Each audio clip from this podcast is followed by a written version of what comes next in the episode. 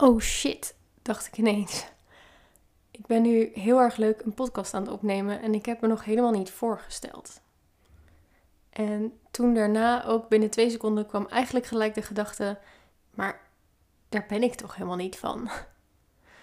Ehm, ik zou je even meenemen in deze gedachte en waarom ik er niet van hou om me voor te stellen. En dus ook niet bijvoorbeeld in mijn kring, als we online samenkomen, niet vraag om mensen uh, dat ze even zichzelf voorstellen. Dat heeft er namelijk mee te maken dat je eigenlijk dan een verhaal over jezelf vertelt. En als je je vaker hebt moeten voorstellen, dan is het vaak een soort uit je hoofd geleerd verhaaltje ehm, waar je dan even makkelijk zeg maar bij kan. Maar dekt bijna nooit echt wie je bent.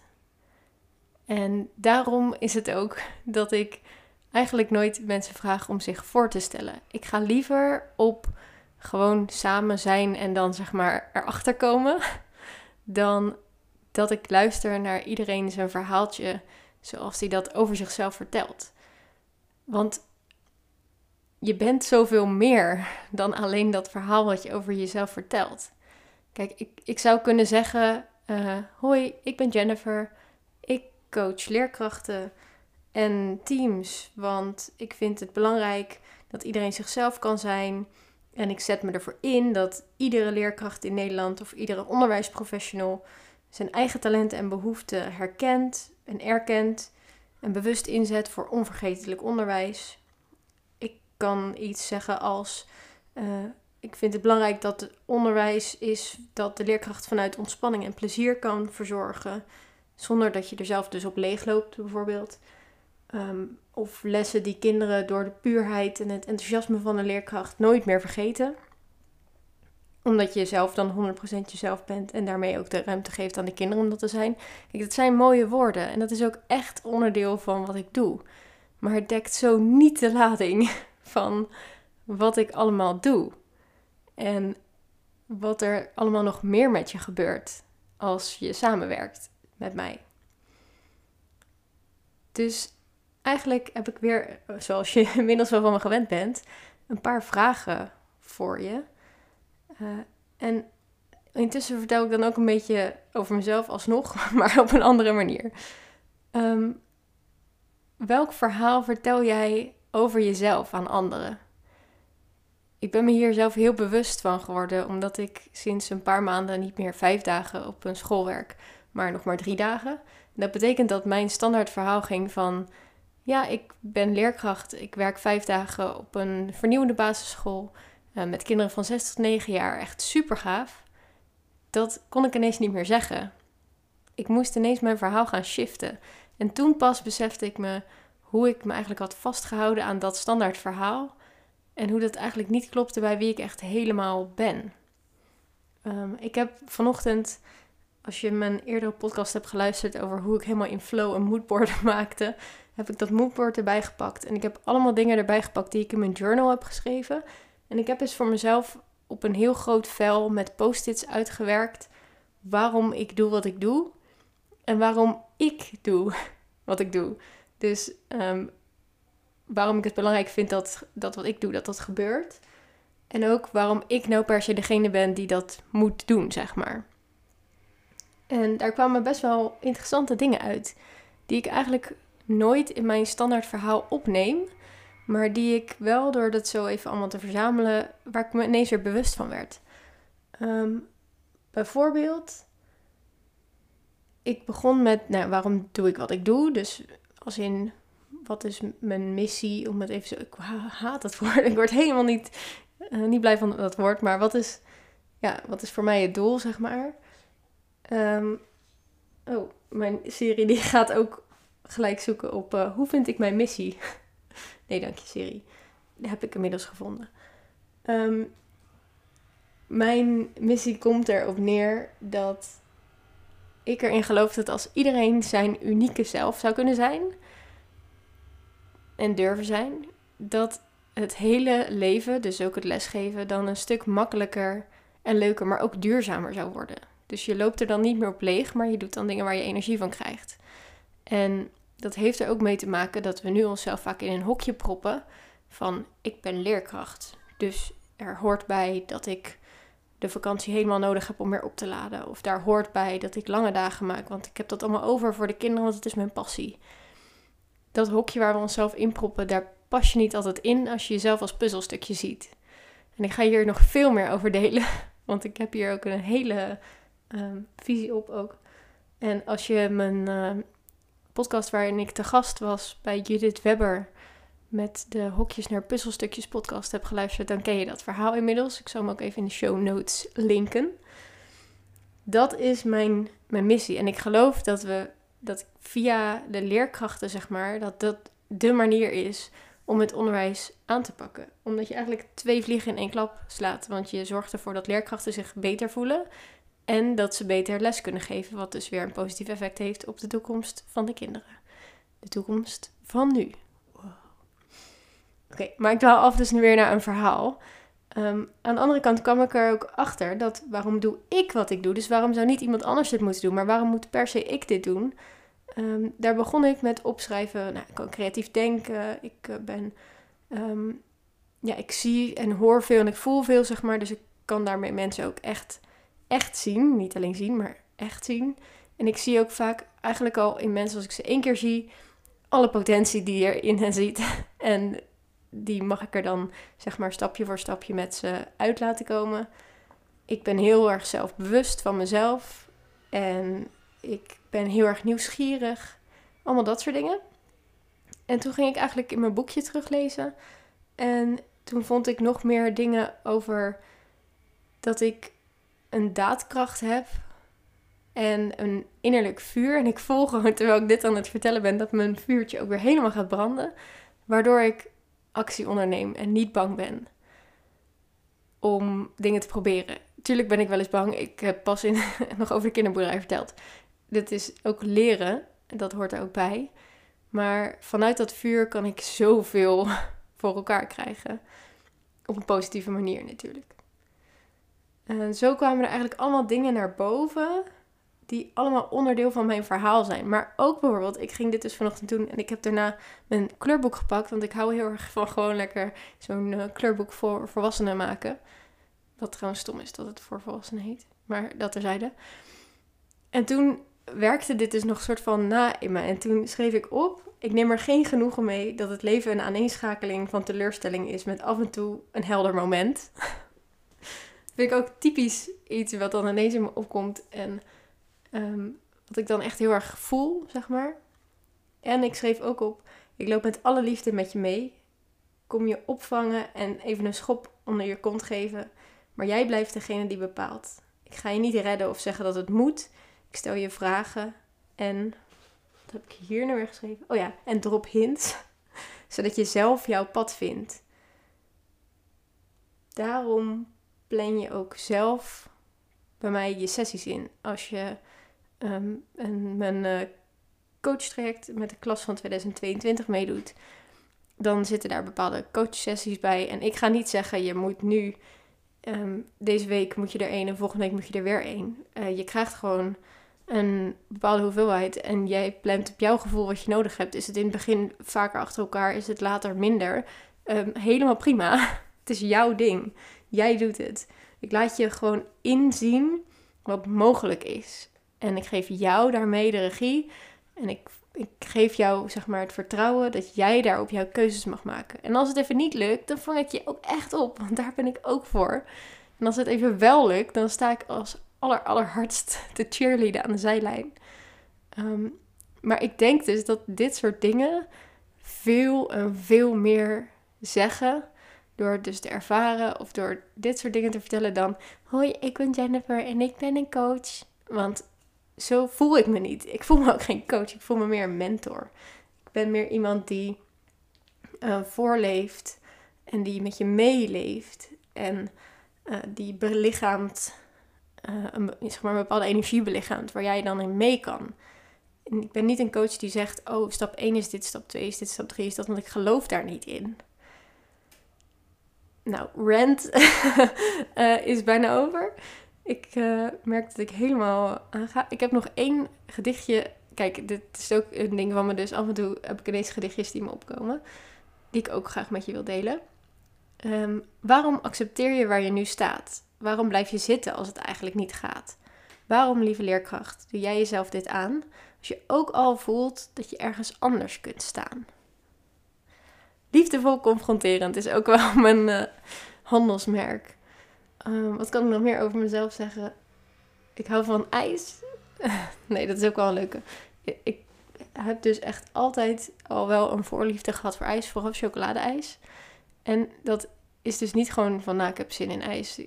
Dat vind ik leuk, maar dat is echt een moment waarmee ik mezelf even, zeg maar, stilzet, waar ik echt zo van kan genieten, dat ik dan helemaal in het moment ben. Dus ik weet dat sommige mensen dit bijvoorbeeld met het eerste kopje koffie op de ochtend hebben. Ik heb het niet met koffie. Ik vind ijskoffie lekker, maar veel verder dan dat kom ik niet. Ik heb dat met ijs. En ik ben heel benieuwd wat, waar jij dat mee hebt, of je dat überhaupt ergens mee hebt. En ik ben ook heel benieuwd welk verhaal jij over jezelf vertelt. Dus je mag, als je dat uh, aandurft, als je daar nu energie voor voelt, en als je voelt dat je dat wilt, mag je me even een DM sturen op de toekomst van nu op Instagram. Met het verhaal wat jij over jezelf vertelt. Gewoon hoi, ik ben die en die en die. Of um, juist dat random feitjes waaraan ik een beetje kan afleiden wie je bent. Zonder dus dat je zegt, hoi, ik ben die en die en, en ik uh, sta voor groep 3. En mijn favoriete eten is spaghetti. Uh, zeg maar zo. Maar het aller, allerliefst leer ik je natuurlijk gewoon kennen in een van mijn sessies. Want dat is nog steeds waar ik het meeste in geloof. Als je mij echt wil leren kennen, moet je bij me komen. Als ik jou echt wil leren kennen, moet ik bij je zijn. En dan gebeuren er de meest magische dingen. Um, dat kan in een barsessie, um, pauze noem ik dat, hier in mijn coachruimte waar ik nu ook lekker in zit.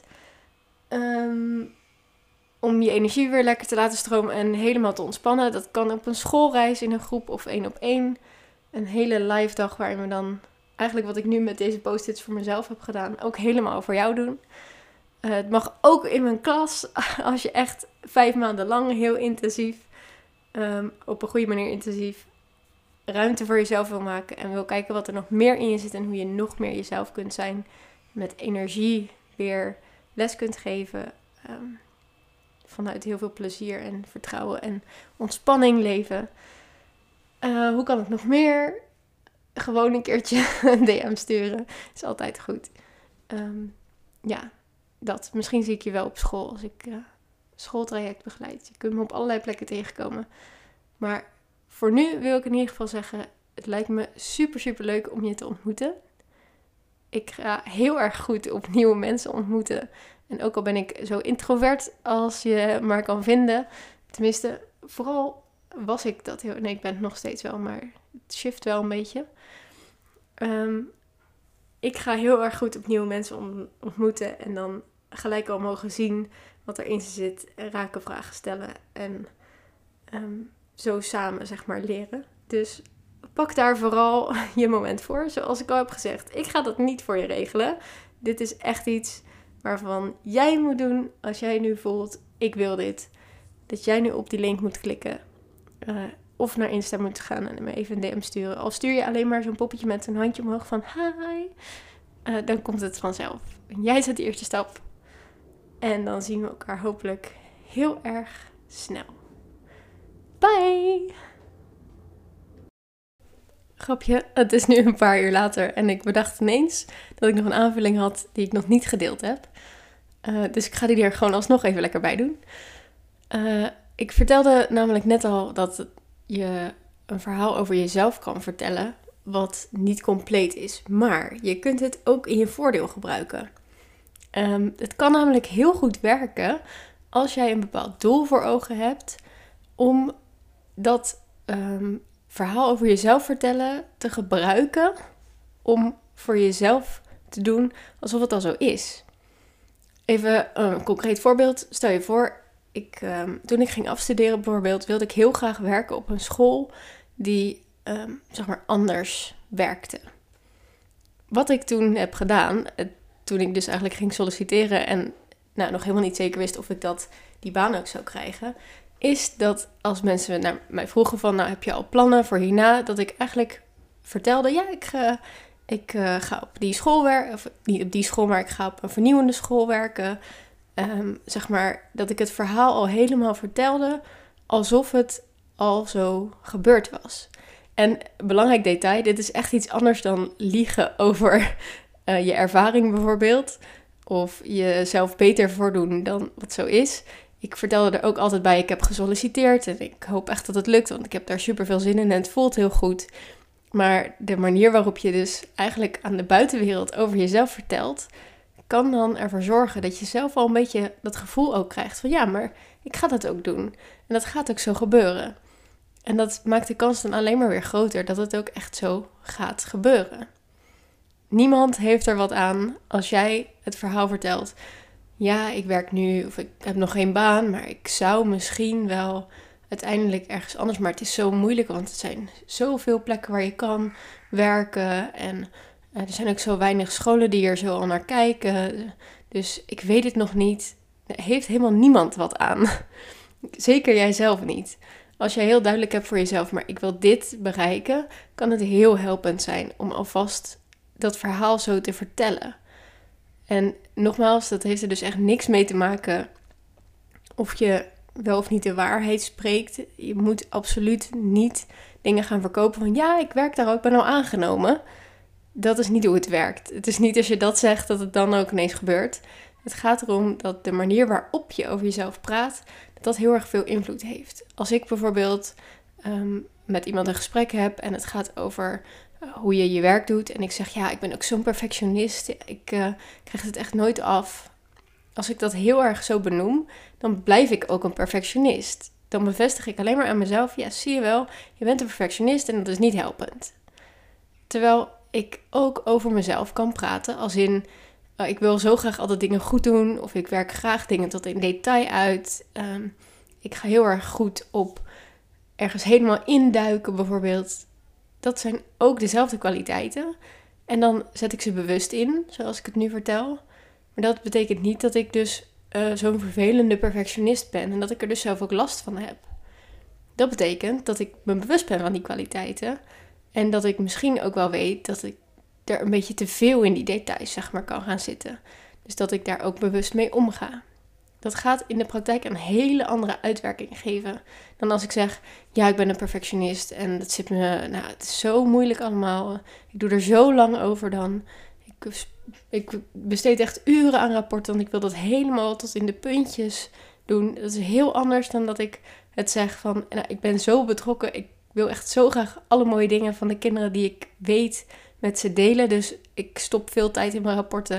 Ik ben me daar bewust van en ik kies daarvoor. Het gaat erom welk verhaal kies jij.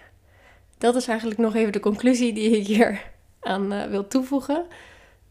Je hebt altijd een keuze, zoals in je hele leven. Alles wat je doet is een keuze. Ook al voelt het soms niet zo, maar je kunt er dus voor kiezen om het verhaal te vertellen van de zielige perfectionist. Of je kunt ervoor kiezen om het verhaal te vertellen van de bewuste, betrokken leerkracht.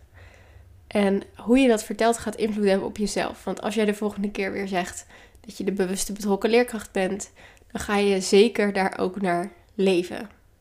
En stapje voor stapje kun je zo best wel makkelijk eigenlijk een soort life hack is dit. Kun je je eigen mindset aanpassen. En dus door de woorden die je gebruikt ook wat je doet aanpassen. Dat was nog even een kleine toevoeging. Dan nu echt ga ik de podcast afsluiten. Um, geldt nog steeds, als je me ergens wil vinden, ga naar Instagram, de toekomst van nu. En stuur me een DM. Uh, zeker als je denkt, oh, ik heb hier iets aan gehad, of juist niet. Uh, als je nog meer vragen daarover hebt, let me know. Want zoals je inmiddels wel weet, is dit helemaal mijn ding. Word ik heel erg blij van met jou uh, sparren en het daarover hebben. Yes? Oké. Nu echt tot de volgende keer. Bye!